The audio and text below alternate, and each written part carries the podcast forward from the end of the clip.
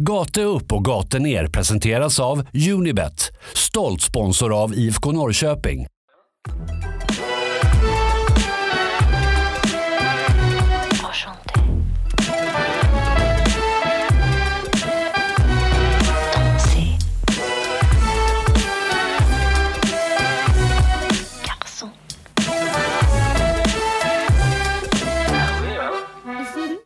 Mitt i EM-dimman så kommer Gate upp och Gate ner podcast och påminner om att allsvenskan återigen har fått fötter och är igång. Jag heter Vincent Messenger och med mig har jag som vanligt Pontus Hammarkvist. Hur är läget Pontus? Jo, det är väl bra. Det här segertåget rullar vidare. Vilket vi kanske inte är så vana med, så det är väl inget segertåg. Men jag gillar ändå att mynta det uttrycket. Eh, jag trivs bra idag. Vi tog en liten genomkörare igår du och jag, så det kanske hörs lite på våra röster att vi är något sån här lite bakfulla kan man väl säga. Det blev en av de senare kvällarna igår, det får man ju Dumt. säga. Men eh, när IFK Norrköping har slagit Malmö FF med 3-2 på hemmaplan så är Pontus Hammarkvist sugen på att dricka öl helt enkelt. Och Ja. jag är inte den som tackar nej. Nej, exakt. Det var värt det. Och nu sitter vi här i samma gamla källare igen och ska försöka få ut eh, liksom, eh, en, en 40 minuter om IFK Norrköping mot Malmö. Jag tror att vi klarar det. Ja, men det tror jag. Absolut. Vi brukar ju kunna tjata på. Ibland är vi lite oroliga. Så här, hinner vi? Blir det så mycket? Liksom? Ehm, fan, du och jag kan prata på. Alltså. Det känns också konstigt att sitta här igen. Vi har ju varit vana med att intervjua spelare så det känns lite så här skumt att gå tillbaka till gamla vanor igen. Ja, det är, exakt. Ja, men det är lite kul. Och det, är också det där liksom att man har en match att prata om. Det känns också som liksom hur länge sedan som helst. Så det ska bli väldigt kul tycker jag. Ja, det finns mycket eh, god ost här att ta av. Jag, tyck- jag tyckte allmänt igår att, läsare. Eh, att det, var, det var kul att vara på plats hela den grejen. Men också så här, efter, alltså när folk går ut från arenan, när vi var ute igår, folk som kom med IFK-tröjor, sjunger ramsor, det var fullt med folk. Hela liksom, den här dagen igår kändes som att nu börjar livet lite igen någonstans. Framförallt med fotbollen. Helt ärligt, jag, eh, jag kunde inte hålla tillbaka när jag kom in på arenan igår. Det, det kom ju lite tårar. Ja, men jag, jag tänkte precis säga det. Hur, ehm, det skulle vara min första fråga för att inleda det här. eh, Och så förstörde jag din fråga. Nej, det gör ingenting. Det är kul om det går ut på en whim så att säga. Exakt. Men, eh, nej, men eh, hur kändes det att vara på parken med liksom ändå någon slags publik? Utöver liksom Mm. åtta pers. Nej, men alltså, vi var ju på damen och så. Det har ju varit väldigt kul och det var väldigt känslosamt första gången jag gick in där när vi hade klack och hela grejen. Det var en tår i ögat som kom lite grann då, men nu när man såg grabbarna och liksom det här som jag insåg mycket. Jag sa det till min mamma med, att så här, för vi var ihop på matchen, eh, att det här betyder så jäkla mycket. Det finns så jäkla mycket minnen från den här arenan. Allt från pissminnen till fina minnen. Det är Halmstad när vi liksom slår dem 2015. Vi torskade mot Café Opera med 5-0. Då var man där. Antti Suomiala gjorde debut. Då var det hattrick. Jag menar, det, allt det här liksom flög igenom. Jag såg hela min barndom framför mig någonstans, vilket låter så jävla klyschigt. Men fan, det var fruktansvärt fint att se. Och det, ja, det gladde mig väldigt mycket. Eh, och det gör det nu när jag pratar om det. Jag har nästan svårt att hålla tillbaka det nu också. För att jag kastas tillbaka till gårdagen när jag stod där inne. Ja, nej, men jag förstår det. Du, ehm, du var på kurvan va? Ja, det var jag. Jag gjorde ett litet misstag. Alltså? Nej, men jag trodde, jag tänkte, för jag ville ju såklart stå där eh, klacken var, tänkte jag, spontant. Men eh, jag förstod inte det när man bokade, så det vart ju Kurva Nordahl. Däremot så ångrar jag mig inte efterhand. Jag tyckte att det var väldigt gött att stå där igen. Eh, och det vart ett ganska okej drag där också. och sådana saker. Så att jag, kom, jag kommer nog eventuellt försöka tjata med mina polare att stå där nästa gång. Ja, men det, ehm, det är väl liksom där du hör hemma någonstans? Ja. Är det inte det? Alltså, känns det inte som lite din hemmaplan? Jo, det har väl blivit det ändå nu.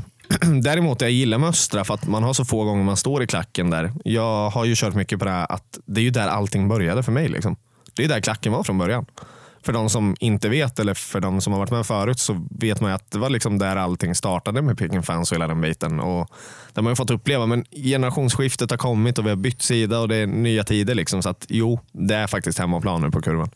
Men det blir lite back to the roots helt enkelt. Jag, Ja. antar, väl Ja, att, jag antar väl att man körde klacken på långsidan PGA, att man fick plats med mer folk där. I Ja, ja. Det måste väl varit Mm. anledningen. Men de var väldigt på att man skulle sitta ner där. Och, så att det vart, vart lite svårt för dem. Eh, framförallt på Kuravan var de uppe mycket och tjatade om att man skulle stå mellan. Eh, vilket jag förstår, det är ju det är restriktioner uppifrån. Liksom. Så det är inte så mycket för dem att göra. Men det var väl det som förstörde lite grann. Jo, men det är, ju- det är lite Men vi så. fick vara där, så att vad fan. Nej, men det är ju huvudsaken. Och det, det är ju faktiskt lite så att man måste ju tyvärr, även om man inte vill det, så Mm. måste man ju tyvärr inse att nu har vi fått en chans fotbollen att, liksom, att vi äntligen fått liksom, vår röst hörd och blivit respekterade och fått en möjlighet. Och då är det jävligt Mm. viktigt att vi inte pissar bort den utan att vi visar att vi faktiskt inte är ett gäng liksom, liksom förpubertala liksom, så här, testomonster som inte kan lyssna på instruktioner utan faktiskt är liksom kännande människor precis som alla andra som kan liksom ta till sig riktlinjer och sköta sig. Du, men- Eh, du menar alltså att vi ska försöka vara någonting vi inte är? Ja, exakt. Nej, men, Jag förstår Nej, men, och, jag, givetvis. och jag är ju verkligen liksom den största förespråkaren som finns för liksom kaos och frihet på läktaren. Men Ja, ja. jag tror att Jo, just i det det är här fallet så kanske man får göra något av ett undantag och försöka ändå följa restriktioner så gott det går. Det går ju inte Nej. hela tiden, men så gott det går just så att det inte blir en jävla backlash på det där. Liksom. Från min sida så följde jag det helt okej skulle jag nog utvärdera det. Men det är klart, man tar lite snedsteg när det blir mål och efter matchen när man är så jävla taggad. Liksom. Det, då går man ner och man hamnar lite nära. Liksom. Eh, Det märktes också på spelarna vid 3-2 målet att de ville ju verkligen fan fram. Höll ju lite tillbaka. Alltså. Ja, men eh, om vi, om vi då snurrar in på matchen lite, eh, som faktiskt utspelar sig på plan, så tänker jag, när jag tittade på laguppställningarna inför, eh, så kom jag att tänka på det vi pratade om inför den sista matchen innan sommaren mot Elfsborg. Att det kändes som att laget som vinner den matchen kommer komma med energi liksom till hösten och laget som förlorar den matchen kommer komma med sänkt huvud. Och när jag såg den startelvan, det, då var det enda jag kunde tänka på var sänkt huvud på IFK Norrköping. Att jag stod och tittade på laget och bara, det här kommer inte sluta bra. Men, då sa jag det för jag satt och eh, kollade matchen med eh, vår gemensamma vän Thomas. det. och ehm, då sa vi båda två att så här, ja, men antingen så vinner Malmö den här matchen 3-0 eller så vinner Peking. Alltså så här, det, det är så här, för antingen alla liksom vad man säga, alla liksom rimliga liksom indikationer och alla mina känslor jag fick kring när jag såg laguppställningarna och liksom tog vårsäsongen in i beaktning och allt möjligt. Så bara, de ska bara förlora här. Men det enda som jag ställde på andra sidan, det var ju så här, mm, första matchen med lite publik på hemmaplan. Alltså så här, Ja, och, och sen just, det spelar ju, och, och, det spelar ju in. och sen just också den klassiska liksom känslan man har när man har följt fotboll så pass länge som vi har gjort. Mm. Just det där när allt talar emot. Då blir man plötsligt lite nervös för att det laget ska vinna. Förstår du vad jag menar? Man får en sån här bara, ja eller så går de bara och vinner skiten. Och det gjorde de ju Mm. till slut. 3-2. Ja, alltså jag har aldrig fått så mycket. Jag hade ju själv någon känsla, många av våra följare, lyssnare i alla fall, skrev ju mycket. För vi brukar ju lägga ut den här att så här, gilla IFK bla bla bla. Eh, och det var kul att det var många som hade så här DMs och lite sådär eh, kommentarer att så här, det blir tufft. Liksom. Eller vi, vi torskar ikväll, det blir 0-3. Liksom. Många som satt emot sitt egna lag. Jag hörde liksom på andra medier också eh, att det kommer bli torsk. Och Jag var, jag var så inställd på det också och det är väl därför det var så extremt jävla skönt att ungtupparna kan visa vägen. Det finns, nu kanske jag snöar iväg lite liksom från ämnet, men allmänt den biten att jag tror att den här Siad-grejen kan hjälpa till lite också. Att man märker att man måste steppa upp. Man har ingen att förlita sig på. Vi har inte den här den superstarn längre i laget och då måste hela laget kliva fram. Och det, det känns som att Norling fick fram det till grabbarna, måste jag säga. Den så kallade landslaget utan Zlatan-effekten. Ja, ja, men ja, och jag gillar den ändå. Jag gör det någonstans. Jag vill ju gärna ha Siad kvar, men om du förstår vad jag menar. Jag gillar ändå när, när grabbarna knyter näven i fickan och gasar. Liksom. Och känner att man måste ta ansvar även om du är 18. Liksom. Ja, nej, men man, man har det ju tufft också. Alltså, vi pratade ju om det att truppen känns lite tunn och så har man blivit av med sin bästa spelare. Och inte nog med det så åker man ju på skador hela jävla tiden. Så det känns ju som att man har liksom alltid nyckelspelare borta på grund av skada. Känns det som. Nästan varje, varje omgång. Ja, Agardius kliver ju av också. Agardius. Ja.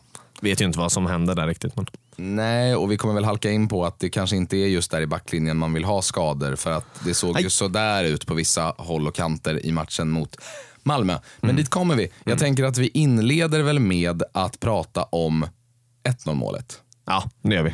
Där, eh, så här, nu ska jag göra en så här skamlös plugg för vårt Linus Wahlqvist avsnitt som vi Ja, spelade in här för ett par veckor sedan.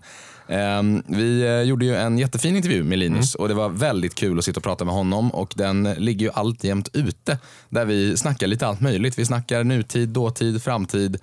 Eh, lite Tyskland, lite Norrköping, lite drömmar, ambitioner, lite familj, lite allt möjligt Allt helt egentligen. enkelt. Ja. det finns inte så mycket vi missar. Det finns ju en miljon frågor till man kan ställa till Linus. men, Såklart. Eh, vi fick ju med det mesta och det, jag tycker att det är kul för att många av våra lyssnare är nog vana med att man kan inte kanske riktigt lyssna på vårt avsnitt två veckor senare om du förstår vad jag menar. Vilket eh, blir rimligt för att det inte är aktuellt längre. Linus Wahlqvist avsnittet och likaså Lovisa Gustafssons avsnittet är ju liksom rimligt att lyssna på i efterhand. Med tidlösa, Ja, man kan säga. Ja, och det tycker jag är kul att vi har lite sådana men fan, gå in och lyssna på det. Linus eh, och även Lovisa och Linus framstår som extremt sympatiska individer. Och, eh, om man håller på IFK Norrköping så tror jag att man kommer vara väldigt stolt och glad över att ha dem i sin förening när man lyssnar på poddarna. För de är extremt sympatiska och eh, professionella och allmänt schyssta personer tycker jag. Fantastiska assisterande lagkaptener. Mm, verkligen. Hej kära lyssnare. Jag ska pusha lite för Hemmaklubben. Som sig bör. Som ni redan vet. Hemmaklubben funkar ju som så att eh, ju fler som anmäler sig, desto högre upp hamnar man i en tabell som består av alla elitlagen i Sverige. Och ju högre upp man hamnar i den tabellen, beroende på hur många då som anmäler att man håller på IFK Norrköping, desto mer deg tillfaller alltså IFK Norrköping vid slutet av säsongen. För det är ju nämligen så att det är alltså 20 mille som ska delas ut till ungdomsorganisationen i diverse olika föreningar. Så att jag tycker ändå att ni ska gå in och stötta IFK i det här och gå in på unibet.se, hemmaklubben och så fyller ni IFK Norrköping. Man behöver inte lägga något spel, man behöver inte göra någonting utan du behöver bara ha ett konto helt enkelt. Det som kanske ska ge lite ytterligare motivation tycker jag för att göra det här det är att förra året slutade IFK nia i den här tabellen. Nia i Sverige. Det är för dåligt tycker jag. För att när vi kollar på tabellen nu och hur det ser ut den här säsongen så ligger man alltså nia igen. Och om vi ska vara ärliga, jag tror ingen som håller på IFK Norrköping vill vara lik Örebro SK på något som helst sätt. Så att jag tycker att liksom, vi, ni måste gå in här nu och fylla i IFK Norrköping på hemmaklubben på unibet.se så att det inte blir någon jävla Örebro-grej här att man ska sluta nia varenda säsong, säsong ut, säsong in. Man måste kunna steppa upp tycker jag. Så att gör det. Och om ni ska göra det så ska ni veta att regler och villkor gäller. Man måste vara över 18 år för att spela. Och upplever du att du eller någon i din närhet har problem med spel så finns ju alltid stödlinjen.se öppen. Eh, nej, men matchen. Ja, det här första målet. Det är ju Linus mål. Det var därför jag halkade in på, Mm, jag vet. eh, Mm. på intervjun. Ja, ja, det är hans mål. Alltså- från, start, från start till mål. Men han, han, det, det, det, det jag tycker, det som ju var så satisfying för mig med det här målet, det är att han visar ju på det som vi har känt har saknats i vissa matcher under våren. Det här med intensiteten. Att, eh, det är väl Bir- Birmancevic tror jag som, som ska ta emot bollen i Malmö på Borde det vänsterkanten. Ja. Och han är liksom inte med på att Linus pressar honom så jävla högt. Det är därför han faller så lätt, för han förväntar sig ingen kontakt bakifrån. Nej, nej, exakt. Och att Linus är så på det. Att det är så här, han tar det löpet, han tar ett maxlöp upp för att gå upp och störa och vinna bollen. Och sen stannar han inte. Utan han vinner bollen och fullföljer ett löp, får en djupledsboll in i straffområdet och så rätt tvärs över och så är det 1-0. Alltså så här, jag tycker att sånt där är så jävla satisfying att se. När en spelare faktiskt gör liksom ett helt mål själv. Vi, vi har ju pratat om det lite sådär liksom när vi, eh, vi tränar vårt division 5-lag. Just Ja. det där att Ja. spelare måste våga ta initiativ. Att just sådär att du signalerar till dina lagkamrater att nu går vi framåt. Det är när du spelar bollen och gör en liksom löpning, alltså i djupet. Spela bollen, löp förbi. Då visar du för din lagkamrat bredvid dig och lagkamraterna på planen att så här, nu kör vi boys. Och det är precis det Linus gör. Kliver upp i ryggen, vinner bollen, fair and square, skitstark, men stannar inte där utan fullföljer löpet som en, en höger mittback. Han ska ju inte vara i den ytan egentligen.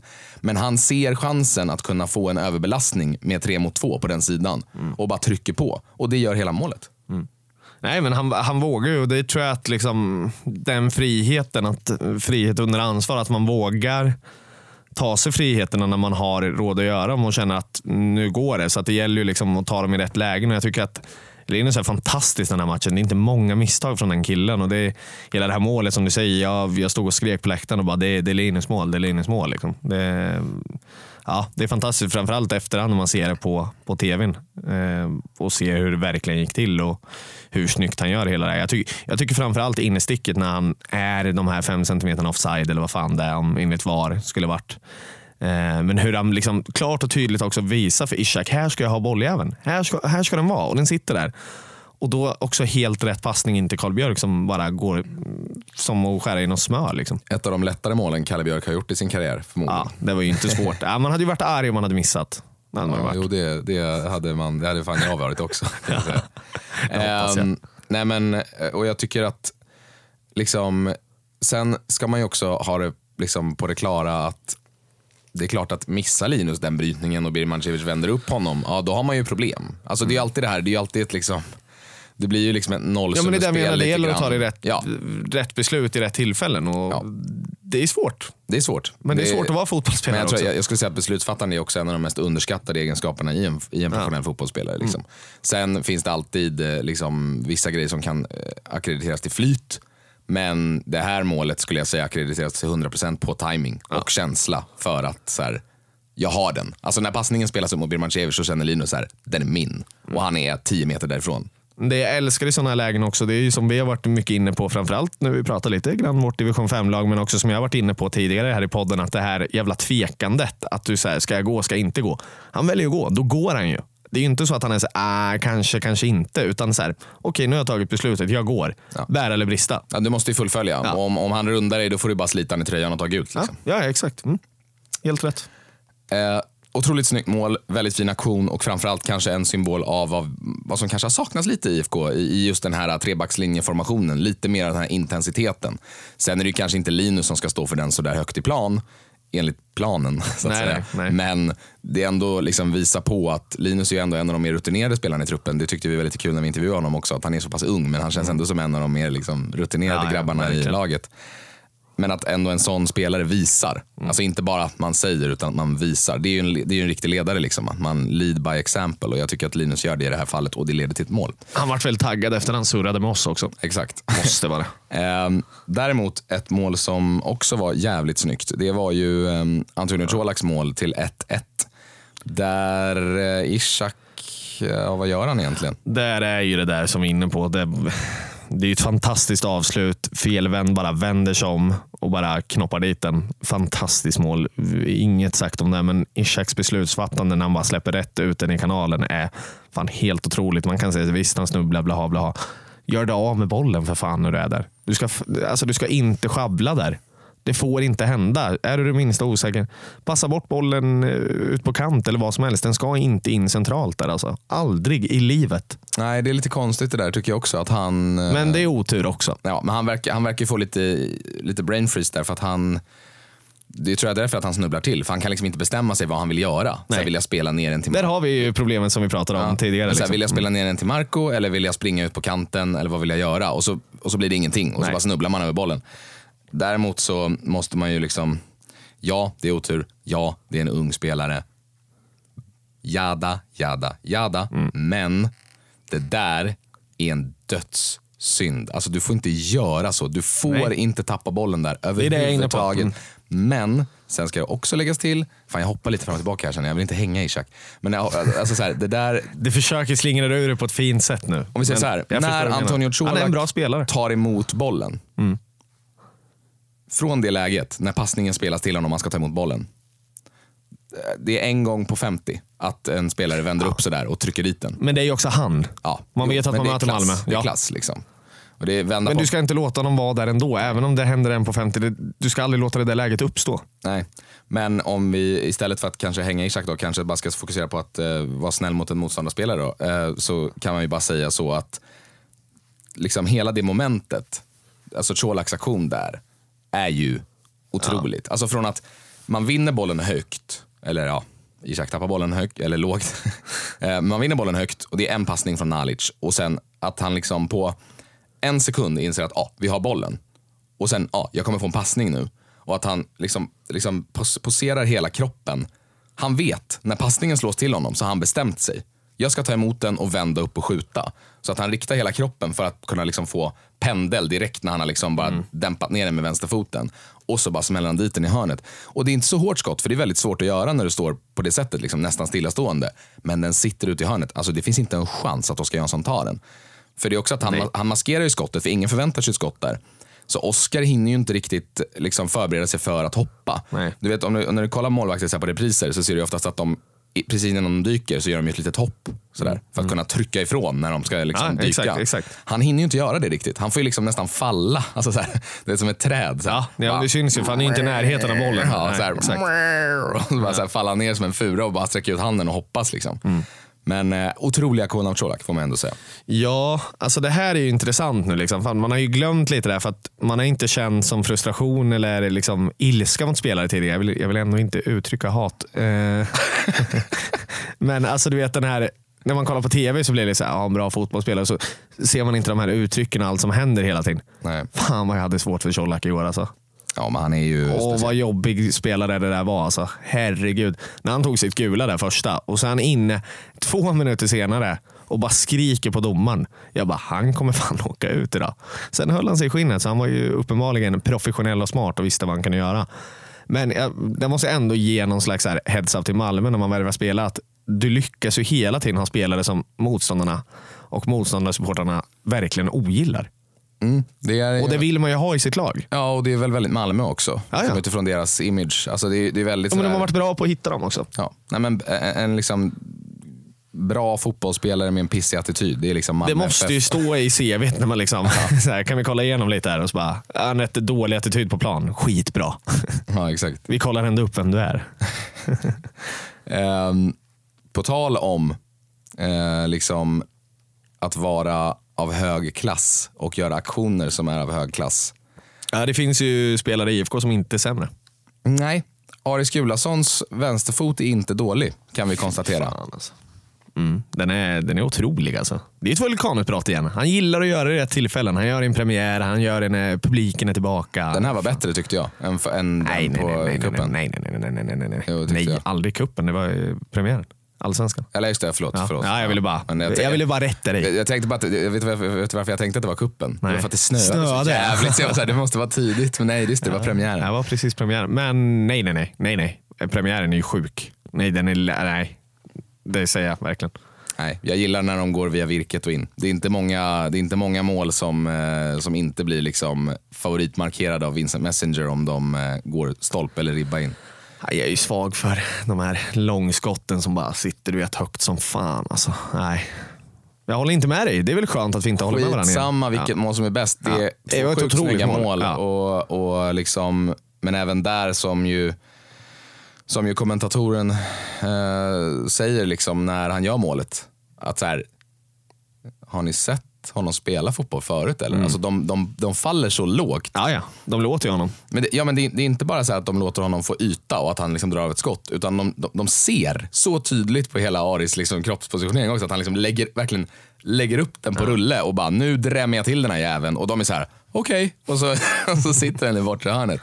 Det är ju maken till passivt försvarsspel får man säga. Trots en sjukt, är ett sjukt bra skott. Liksom, en jävla vänsterfot han har den där islänningen. Ja, ja verkligen. verkligen. Nej, men det är tydligt att man inte kommer få lämna honom fri för länge i de där positionerna av resterande lag i alla fall. Om man nu ska kika in Aris Gulason. Nej, men och, och, och vi, eh, vi snackade om det också efter matchen igår. Att, att just det där att det är ett sånt sjukt vapen att ha. Alltså så här, ha spelare som kan skjuta utifrån. Ja. För att det kan avgöra matcher. Ja. Det, det kommer inte liksom vinna dig allsvenskan över Nej. 30 omgångar. Men det kan vinna dig ett toppmöte mot Malmö till exempel. Mm. Eller ett derby eller whatever. Men, eller en stor match. Eller en match där man har 1-1 borta mot liksom Kalmar och det, ingenting stämmer. Och då kan någon kliva fram och kruta dit den från 30 och man tar med sig tre poäng hem. Med andra ord, det går alltid att avgöra med en sån kille på Ja, plan. och de spelarna är bra att ha. För att det kommer, det kommer krävas, kanske inte mer än två, tre gånger per säsong. Men då kommer det krävas att någon gör någonting som ingen förväntar sig för att du ska ta poängen. Och då är det en sjuk ynnest att ha en sån spelare med, med en sån fot som kan liksom kruta från distans. Mm, verkligen. Framförallt om man möter till exempel ett lågstående försvar och så vidare. Ja. Men varför Malmö var så låga, det kan jag inte förstå för mitt liv. Men det var de. Nej, men eh, på tal om det här då. Det vände ju väldigt fort, det sa vi inte tidigare. Det var ju mål på nästa anfall direkt efter 1-0 målet. Vi hann ju knappt fira färdigt innan det var kvitterat. I princip samma situation ytterligare än en gång. Eh, och här kommer vi väl till det här kanske lite tråkigare ändå. Där det inte riktigt stämde i matchen va? Får jag kila in en grej? Ja. Eh, lite, lite såhär fotbollslabbet Ja, ja, absolut. Det kommer nog bli lite spretigt idag, men vi är Ja. också väldigt taggade. Och, ja, Ehm, så. Det är ju faktiskt så, jag vet inte om du visste det, Men det absolut vanligaste tidpunkten att släppa in mål i, en, i fotboll, det är när, eh, de, de, liksom, de kritiska minuterna i en match. Det är eh, de, först, de fem minuterna som följer efter att man själv har gjort mål. Det är som vanligast att släppa in då. Och det tror man inte, för varje gång det händer så är det så här, men är så här, man tror ju inte att det händer så Nej. ofta. Men det händer hela tiden. Och jag vet inte vad det beror på, men det är ju någon psykologisk effekt Att du någonstans omedvetet slappnar av lite grann kanske. kombinerat med usel, liksom, usla individuella prestationer emellanåt. Ja. Och det ska vi väl komma till för att 2-2 kommer ju. Ja. Klassavslut återigen av Antonio Colak. Som man vet att han gör. Men nu är det så att nu ska Messenger ta fram lilla sågen här. Eh, jag har avvaktat med det. Eh, lite här, du vet, så här, vi, vi har predikat med liksom tio matcher och sådär. Nu har vi spelat nio Mm. Ja, men nu är vi ju där Så nu, i princip. ja, men nu är vi där i princip. Jag förstår inte vad Marco Lund gör i IFK Norrköpings backlinje överhuvudtaget. Nej, jag håller med faktiskt just nu. Um, han har inte levererat det vi trodde att han skulle göra sedan han kom. Och det har han faktiskt inte gjort mer än ja, den här brytningen som jag ser framför mig som var en riktig jävla prestation. Uh, kommer inte ens ihåg vilket lag det var, Halmstad tror jag. Skitsamma, men nej, han har inte hållit måtten i år. Jag tycker inte att han är en startspelare just nu i IFK Norrköping. Han behöver lyfta sig rejält eh, och se över sig lite själv, tycker jag.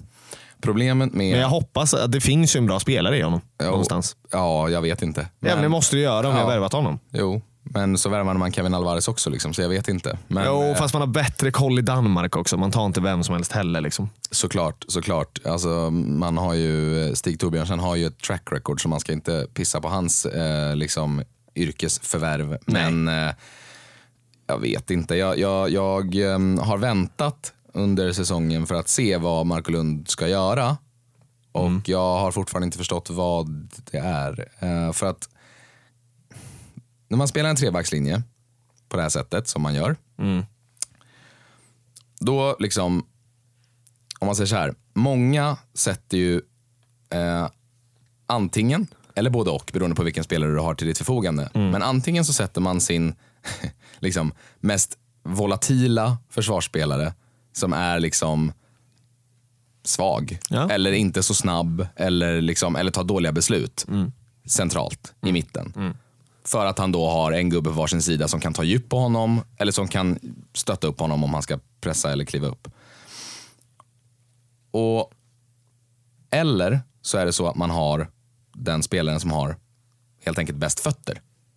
Och då är det lite samma, liksom, samma resonemang. Att då spelar det liksom ingen, in- inte lika stor roll vad han har för defensiva kvaliteter för han kan hjälpa laget väldigt mycket i uppspelen. Marco Lund för mig, han är stark. Jag tycker inte han är snabb. Nej.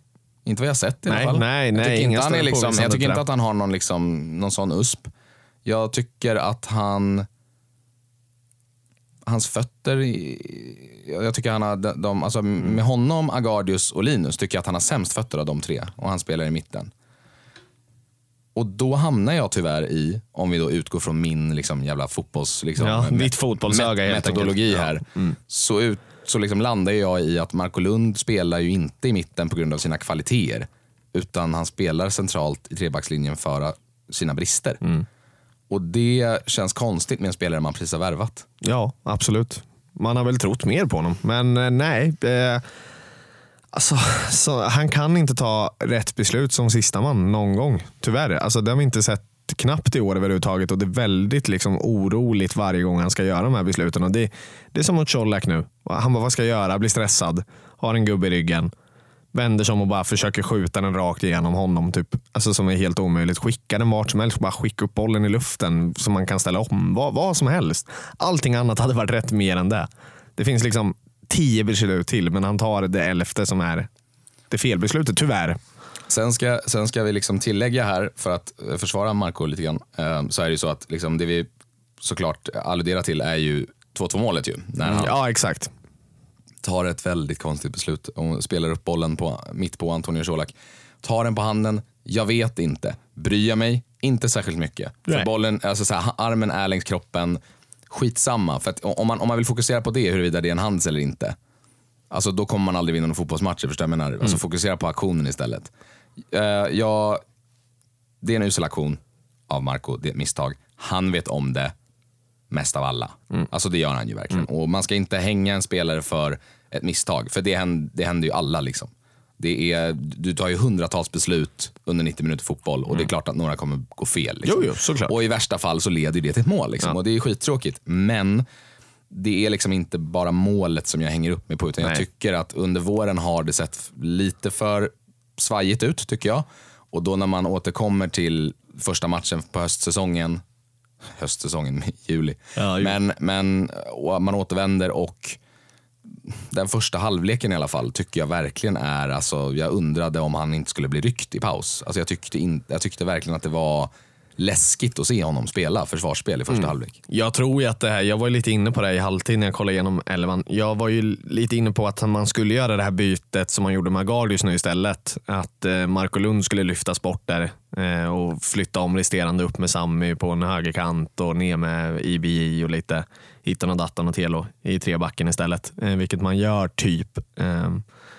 Jag tror att man hade den tanken men att man inte vill göra det direkt efter 45 minuter för att det är väldigt sårbart och väldigt tydligt över att så här, du har gjort det dåligt nu. Du ska inte spela mer och det kommer nog bryta ner Marco mer och det tror jag att Norling var in, mycket inne på. Om man inte fick det att stämma såklart. Ja, nej men, och det, och det blir ju ett framtvingat beslut eftersom eh, Viktor går av skadad, vilket var väldigt tråkigt. För jag tycker att han, han är en spelare som har gjort ett väldigt positivt intryck på mig under tiden i Norrköping. Eh, som jag inte hade så stora förväntningar på, men som verkligen har visat sig vara en stabil pjäs. Tycker Jag, i den där Fantastisk, backlinjen. cool, ta med fan Ja. hela jävla tiden. Alltså, även om man tar ett felbeslut. Jag tycker han och Oskar Jansson där behåller fan lugnet i allt de gör. Men även om det var ett framtvingat beslut för att Viktor gick sönder, så blir det ju rätt beslut ändå av Rickard Norling för att jag tycker ju att andra halvlek ser bättre ut. Jag tycker att Marco ser bättre ut i andra halvlek också. Ja, jo, ja, ja, absolut. Alltså, man släpper in två mål i första, man släpper inte in något i andra. Bara, bara de Nej. siffrorna talar för sig själv. Men jag tycker att det är liksom, han växer ju faktiskt in i matchen. Just som Mm. du säger, att istället för att rycka honom och vara så här, nej nu är det fan över, så här, och, Mm. och det trycker ner hans självförtroende. Så eh, sätter man lite tro i honom och Ja. ger honom chansen. Och han liksom ändå växer med det förtroendet tycker jag i andra Ja, halvlek. absolut, Det, absolut. och det ska han ha. Om, Ja. vi, om vi ska ge honom skit för, för sitt misstag och, och en, en dålig första halvlek så ska han också få lite cred för att gå in i paus, ladda om och faktiskt gå ut och liksom börja om. Och att Mm. det liksom ändå, liksom, absolut inte att han var bäst på plan i andra halvlek, men liksom så här, går ut och gör en gedigen jävla försvarsinsats. För det gjorde han inte i första halvlek. Och, och det, det är bra att man kan resa sig mitt i en match och liksom kliva fram och göra så att man faktiskt vinner den här matchen med uddamålet. Liksom, Mm. hjälpa laget. Det stämmer. Nej, jag, håller, jag håller med det. Absolut. En godkänd insats i andra och vi höjer oss. Ehm, en hel del byten, eller hur? Mm, en hel del. En hel del. Eh, Roliga byten att se också med tanke på att det, det blommar ut så pass väl, vilket man kanske inte tror mot MFF att det ska göra. Nej, eh, alltså det, det är ju en av de där positiva grejerna med när vi har pratat om att eh, ja, men du vet, truppen är tunn och så vidare. och så vidare. Det är ju att man faktiskt får ju chansen att se lite spännande spelare. Alltså, Och lite sådana här spelare som man kanske inte trodde inför säsongen skulle ha en stor roll men som ändå får liksom lite längre inhopp och faktiskt en chans att kunna komma in och, och påverka en match.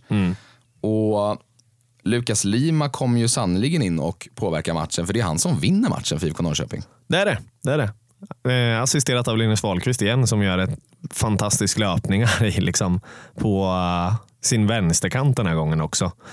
Eh, nej men eh, Otrolig, alltså jag tycker inte bara målet med Lima, alltså fart och fläkt, det händer saker och ting. Man vill vinna boll, man vill framåt. Det syns att han har liksom, efter sina två korsbandsskador är så jävla liksom, duktig fotbollsspelare, vi vet att han är, men att han är så jävla taggad på att vara tillbaka. Och, det, det gladde mig verkligen att se i efterhand också. För jag, man uppfattar inte så mycket när det händer där. Man lever i sin egna lilla bubbla. Liksom. När jag kollar på tvn efteråt och ser hans glädje när han bara springer ut och verkligen skriker. Det, det är så jävla skönt att se. Och det, fan vad kul det var. Ja. Verkligen. Alltså just att han förtjänar. Men ju- just hela matchen när han får komma in så gör han skillnad och han gör det jävligt bra. Eh, och Det är kul att se att de här spelarna kan göra det. Lima, Björk har gjort det nu. Eh, Han är liksom inne i truppen på riktigt nu någonstans. Eh, Så att se den där explosionen är kul med de här killarna. Verkligen. Eh, nej, jag tycker det pojkar 12-laget som jag skojade om som slog Malmö igår. Det gjorde Ja. det jävligt bra. Ja, nej, men, nej, men alltså, Skämt åsido såklart. Och, det, och det, det är ju faktiskt så att när man har en sån fragil truppsituation som man har i IFK.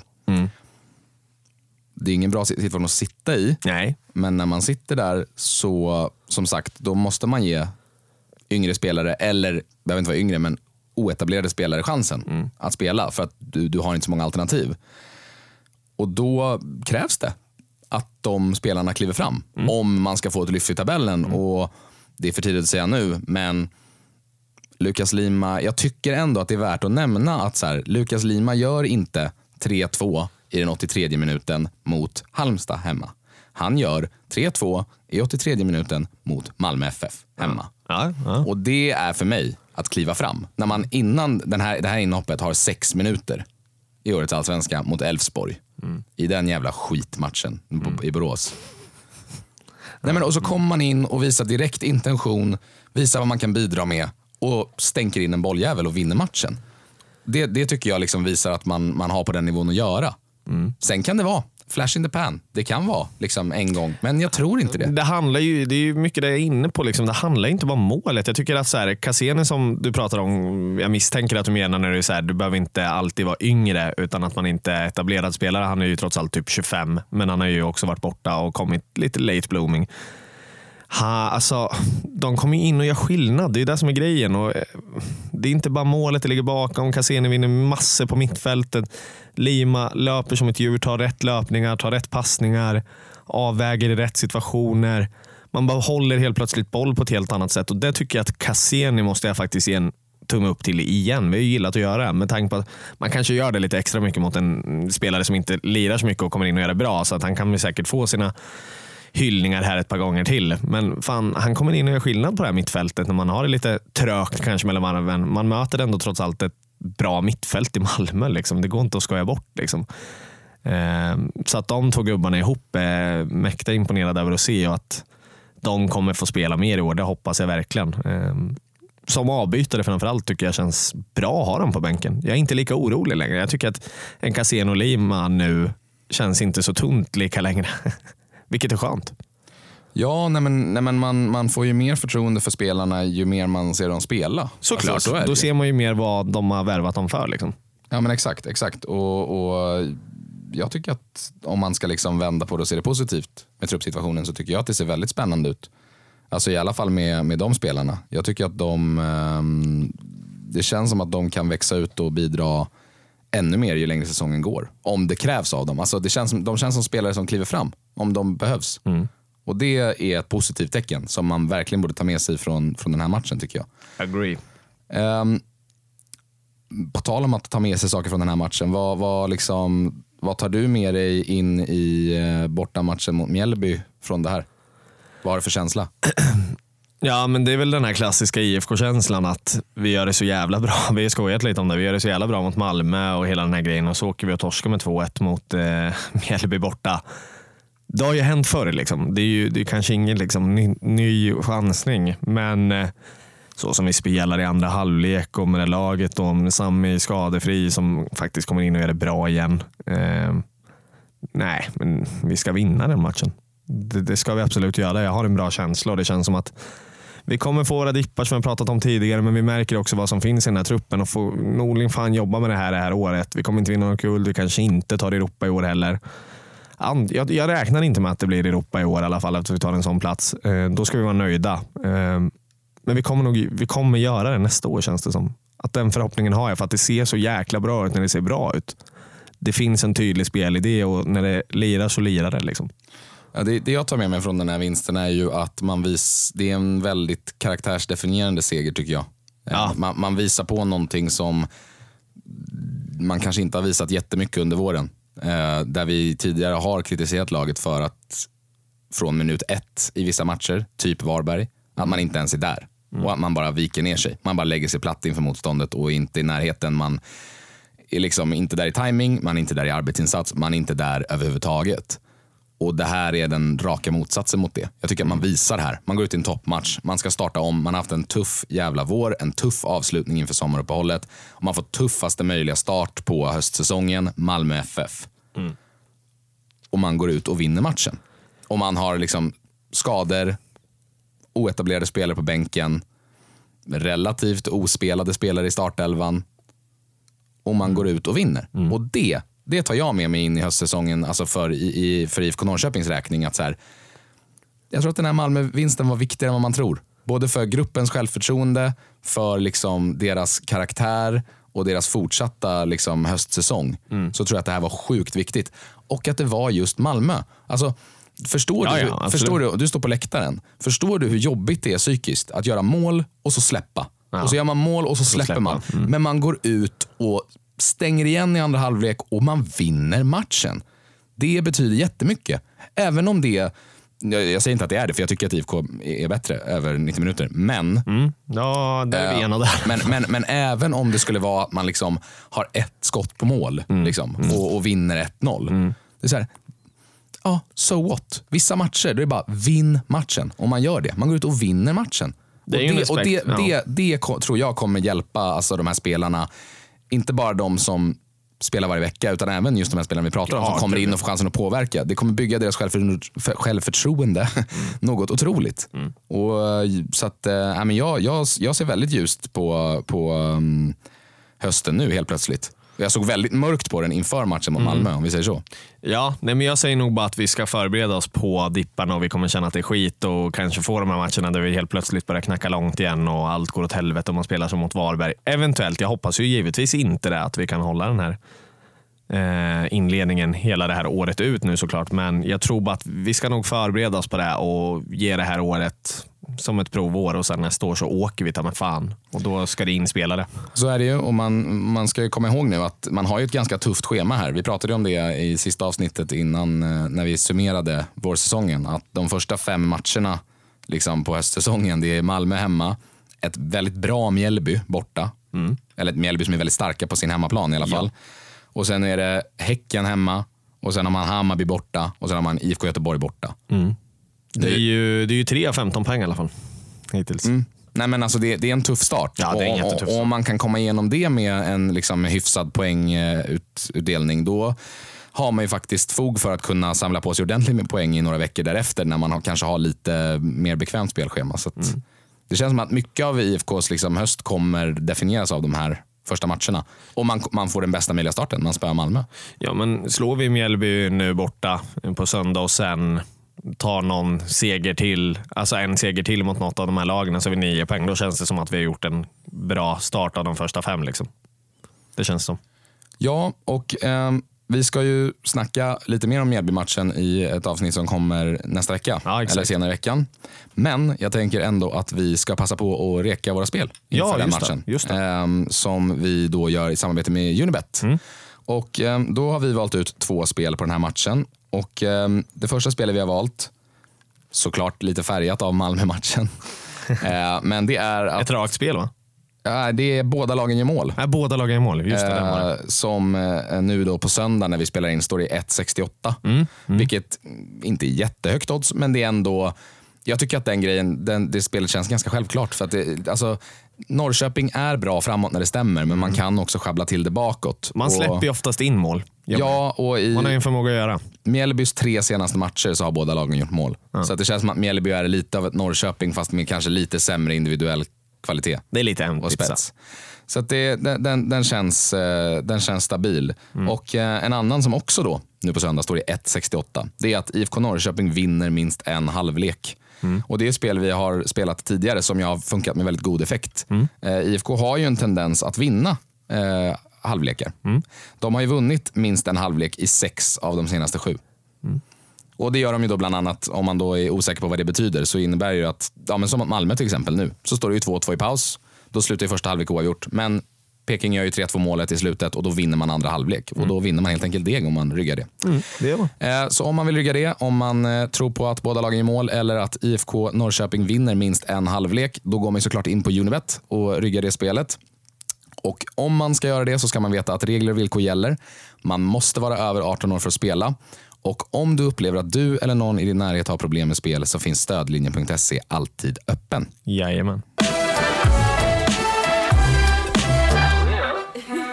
Om vi då ska komma in på våra tre stjärnor, det här mysiga segmentet som vi har börjat med den här säsongen eh, och en hårtork. Men vi börjar väl med stjärnorna? Eller vill du börja med hårtorken? Nej, vi börjar väl med hårtorken. Ja, vi börjar med va? hårtorken, Vi tar det lite jobbiga. vi avslutar i dur så att Ja, säga. exakt. Det känns alltid bra. Nej, men hårtork den här veckan, vi har varit inne på det. Jag tror att ni är ganska medvetna om vem det är. Behöver inte överdriva för mycket när vi säger saker och ting. Men Marco Lund åker på den helt enkelt. Ja. Vi har gått igenom varför.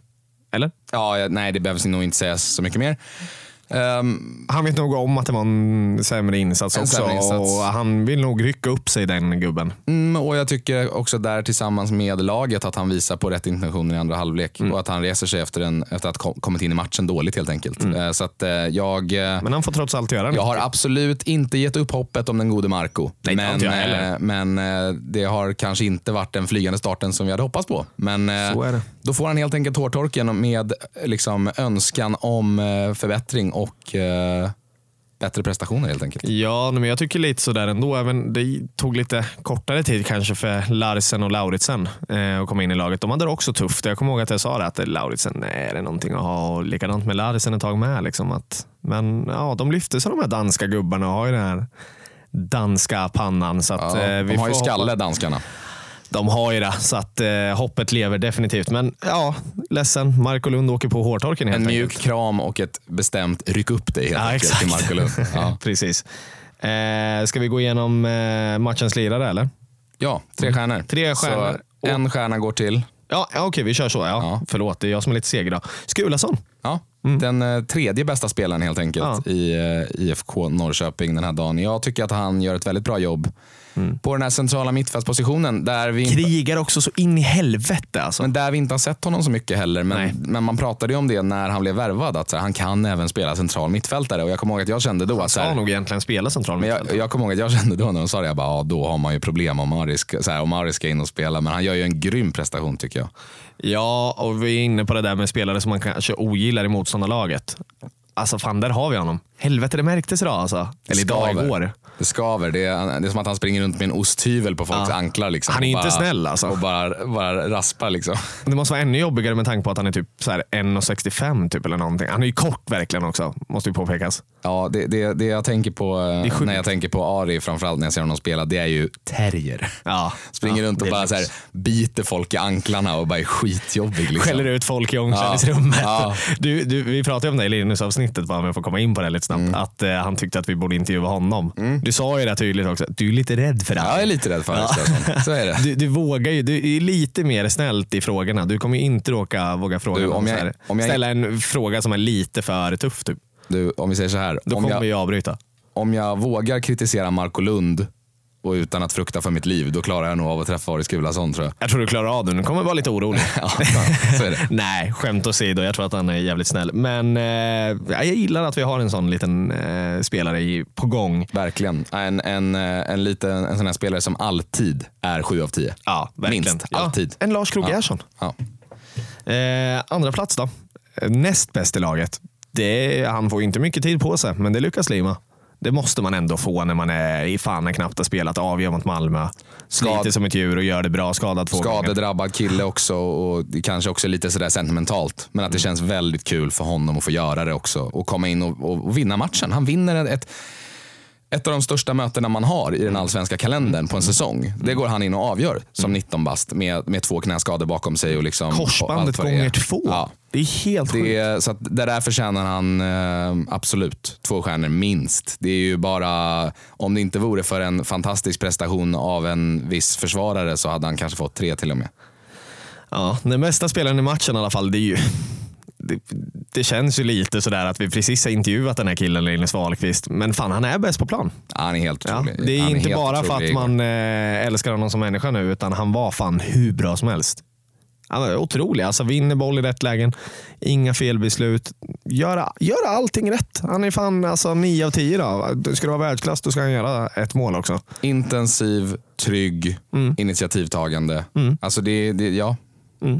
Nej, men Verkligen. otrolig. Alltså, topp allsvensk spelare just nu. Och Gör- för bra stundtals. Och gör även saker som inte förväntas av honom. Men han gör det för laget. Liksom. Ja, Och det säger, hela vägen. säger allt om honom som både fotbollsspelare och person, skulle jag nog eh, våga tillstå.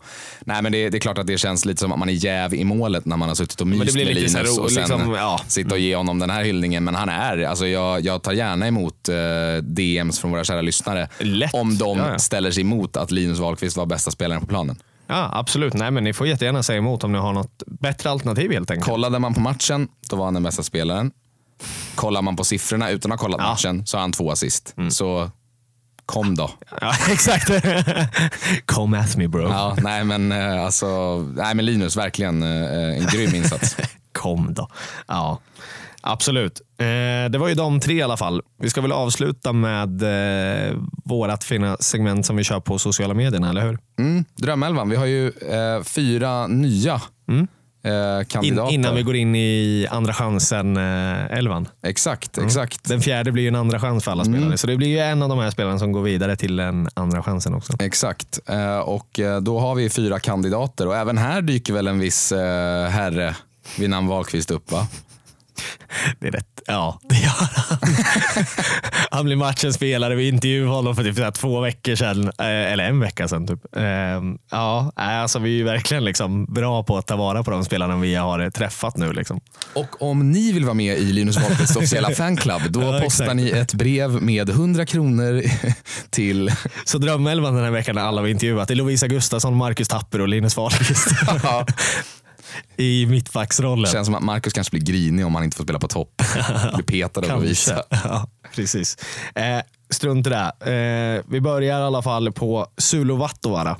Mm. En eh, klassisk spelare. En ikon får man väl ändå säga. Att Varit med i ledarstaben också. Ja, varit med överallt tänkte jag säga. Men det är en sån här spelare man inte får missa. Ni som har varit med länge, som var före min tid såklart, eh, har ju bra koll på honom. Så att det är ju en som är given. Linus Wahlqvist är med, såklart.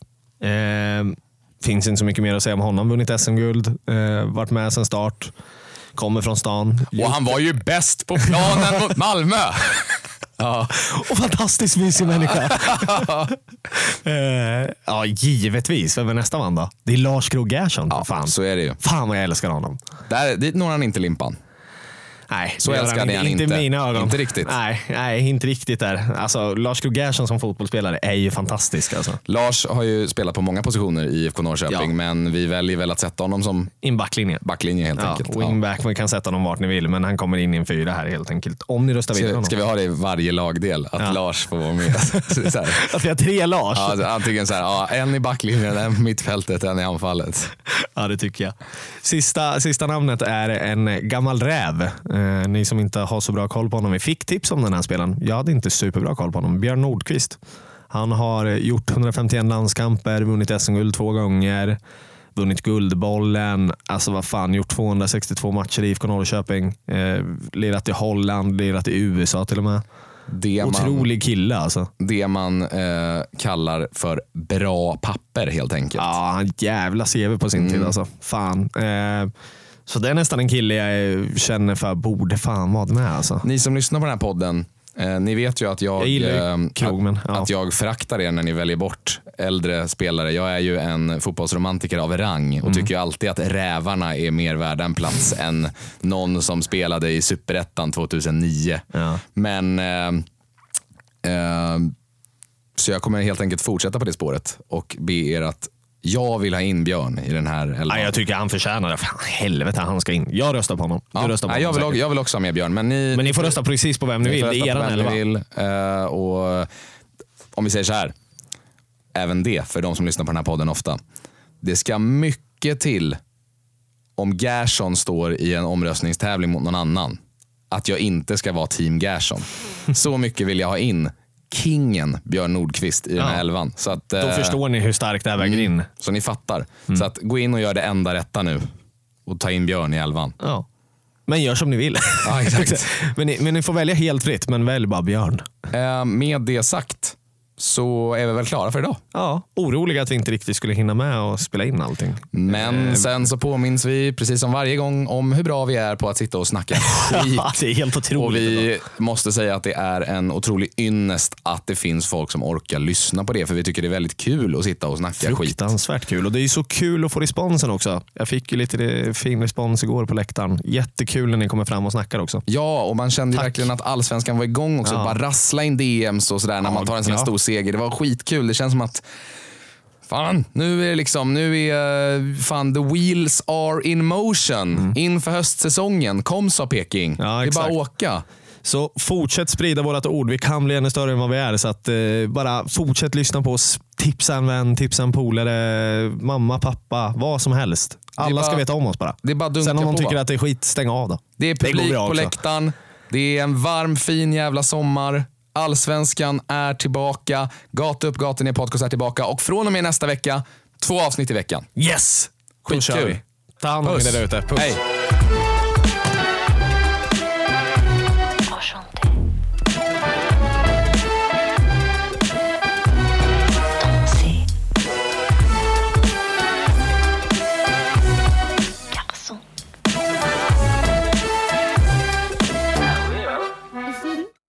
Den här podcasten presenterades av Unibet,